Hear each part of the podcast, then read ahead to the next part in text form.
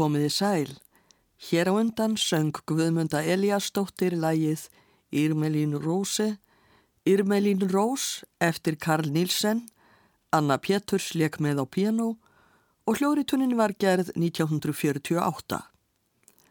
Karl Nílsen samti þetta lag árið 1891 við ljóð eftir skáldið Jens Peter Jakobsen. Ljóðið fjallar um prinsessuna Fögru sem var ímist kölluð Irmelín Rós eða Irmelín Sól. Sama ár og Nílsen samti lagið, 1891, eignaðist hann dóttur með konu sinni, Anne Marie, og hvað skildi dóttirinn hafa verið látin heita? Auðvitað Irmelín. Karl Nílsen er eitt merkasta tónskáld í danskri tónlistasögu. Hann fættist árið 1865 á fjóni, læriði snemma á fyrlu og fór á unglingsaldri að spila í herrhljómsveit. Hann stundaði námi í konunglega tónlistarskólanum í Kaupanahöfn 1882 til 84 og komst í hljómsveit konunglega leikursins. Árið 1890 fekk hann styrk sem gerðunum kleift að stunda frekara tónlistarnám í Þýskalandi og Fraklandi. Hann var einmitt stattur í París þegar hann kynntist Anne-Marie Bróðesen sem var myndhökvari.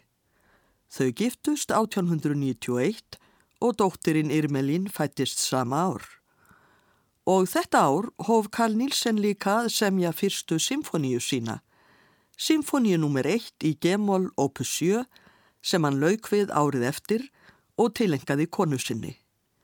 Symfonían var frumflutt í mars 1894 og þá kom nú hljóð úr horni því sumir tónlistarfræðingar voru alveg forviða. Hvernig datt manninum í hug að kalla verkið symfoníu gemól og enda það í sétúr?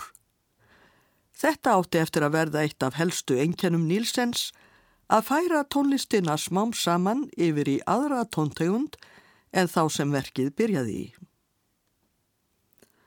Symfonían er mjög laung og verður ekki flutt hér í heild en við skulum hlýða á fyrsta kabla hennar. Hann hefur sérkennilega yfirskrift Allegro Orgoglioso sem merkir eiginlega hratt og hrókafullt. Það er Norðurlanda hljómsveitin Orkester Norden sem leikur fyrsta þátt Allegro Orgoglioso úr symfoníu nr. 1 í Gemol eftir Karl Nílsen. Stjórnandi er Pavo Järvi.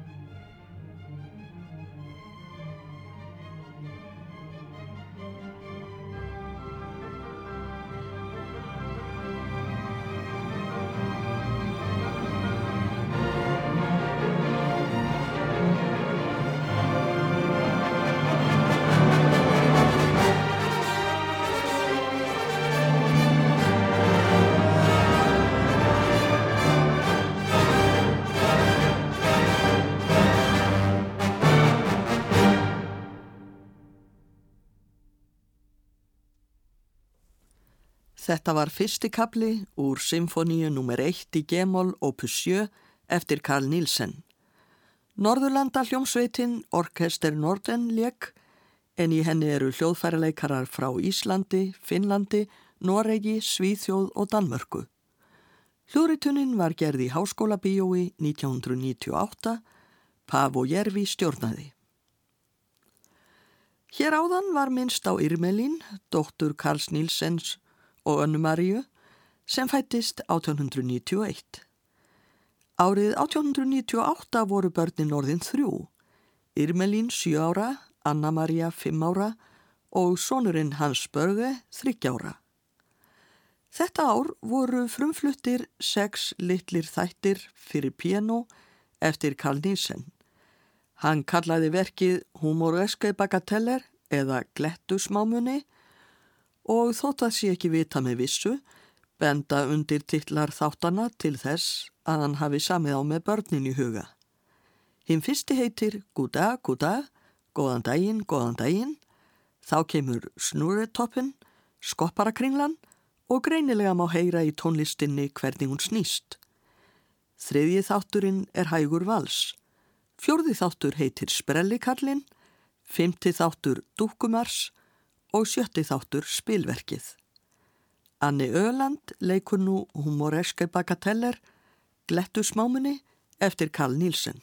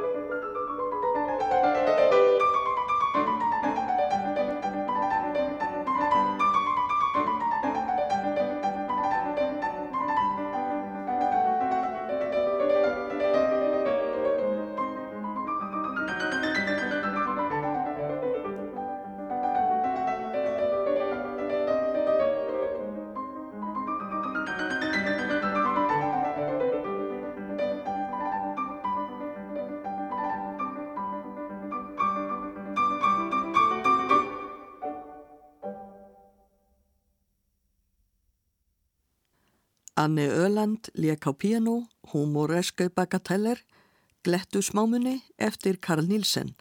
Þættirnir voru sex, góðan daginn, góðan daginn, skopparakringlan, hægur vals, sprellikarlin, dúkumars og spilverkið. Verkin sem hér hafa verið flutt eru öll frá fyrri hluta ferils Karls Nílsens.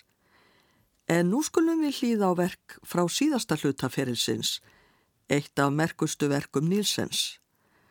Það er flautukonsert sem Karl Nílsen samti á árunum 1926 til 27 þegar hann var rúmlega 60 og orðin virt tónskáld.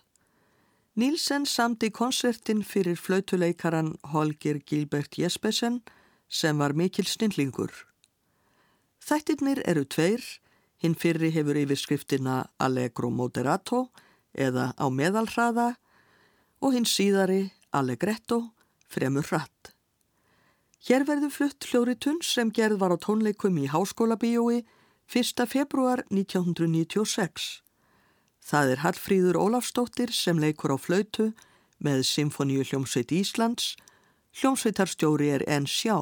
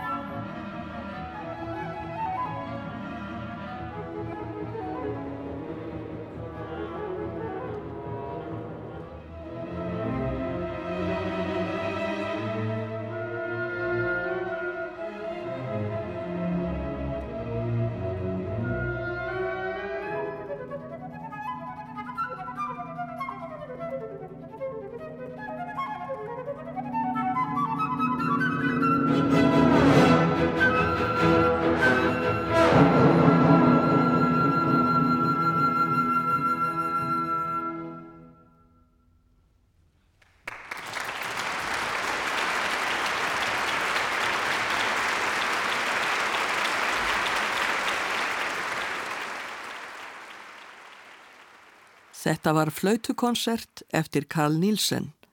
Hallfríður Ólafsdóttir lék á flautu með Symfoníu hljómsveit Íslands á tónleikum í Háskóla Bíói árið 1996 en sjá stjórnaði.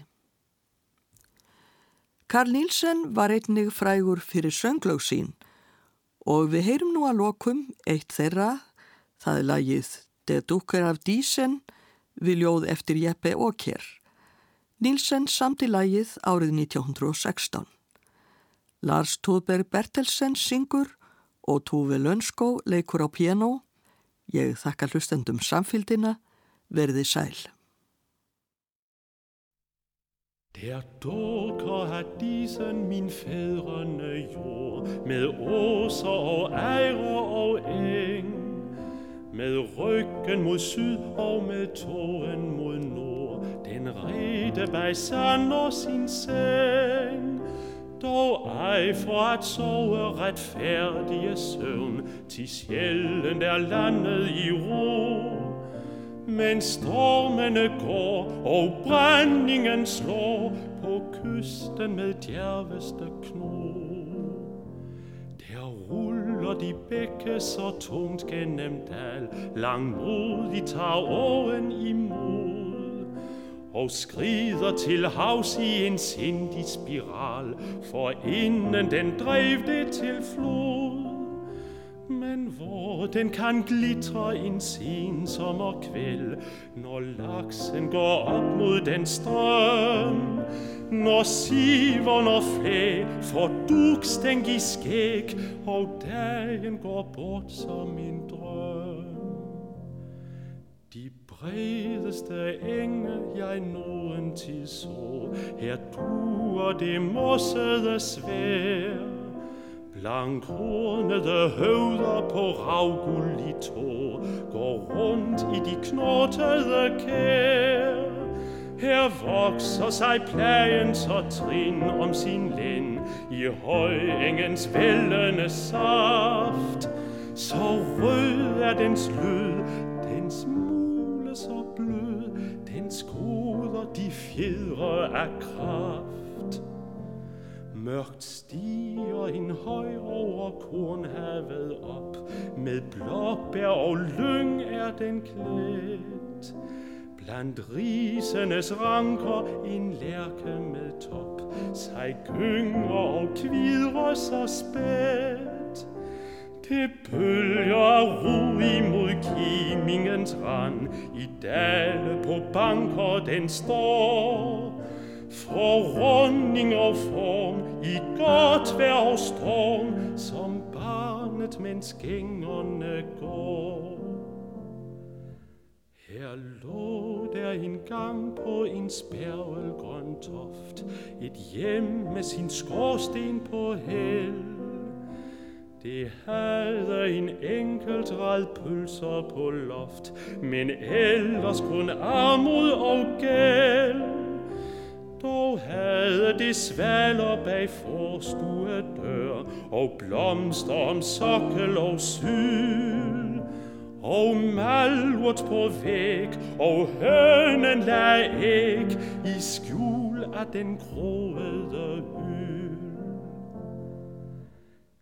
Der sad hun og spælte min bøjede mor, ind under den bjælke så lang, og delte sit bryst mellem mig og min bror, imens så vi modig hun sang.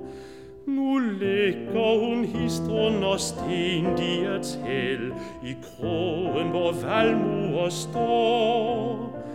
Hør verden fortræd, tog sorgen min fred, så sagte med loven jeg går. Hvad var vel i verden det fattige liv med alt dets fortærende tant?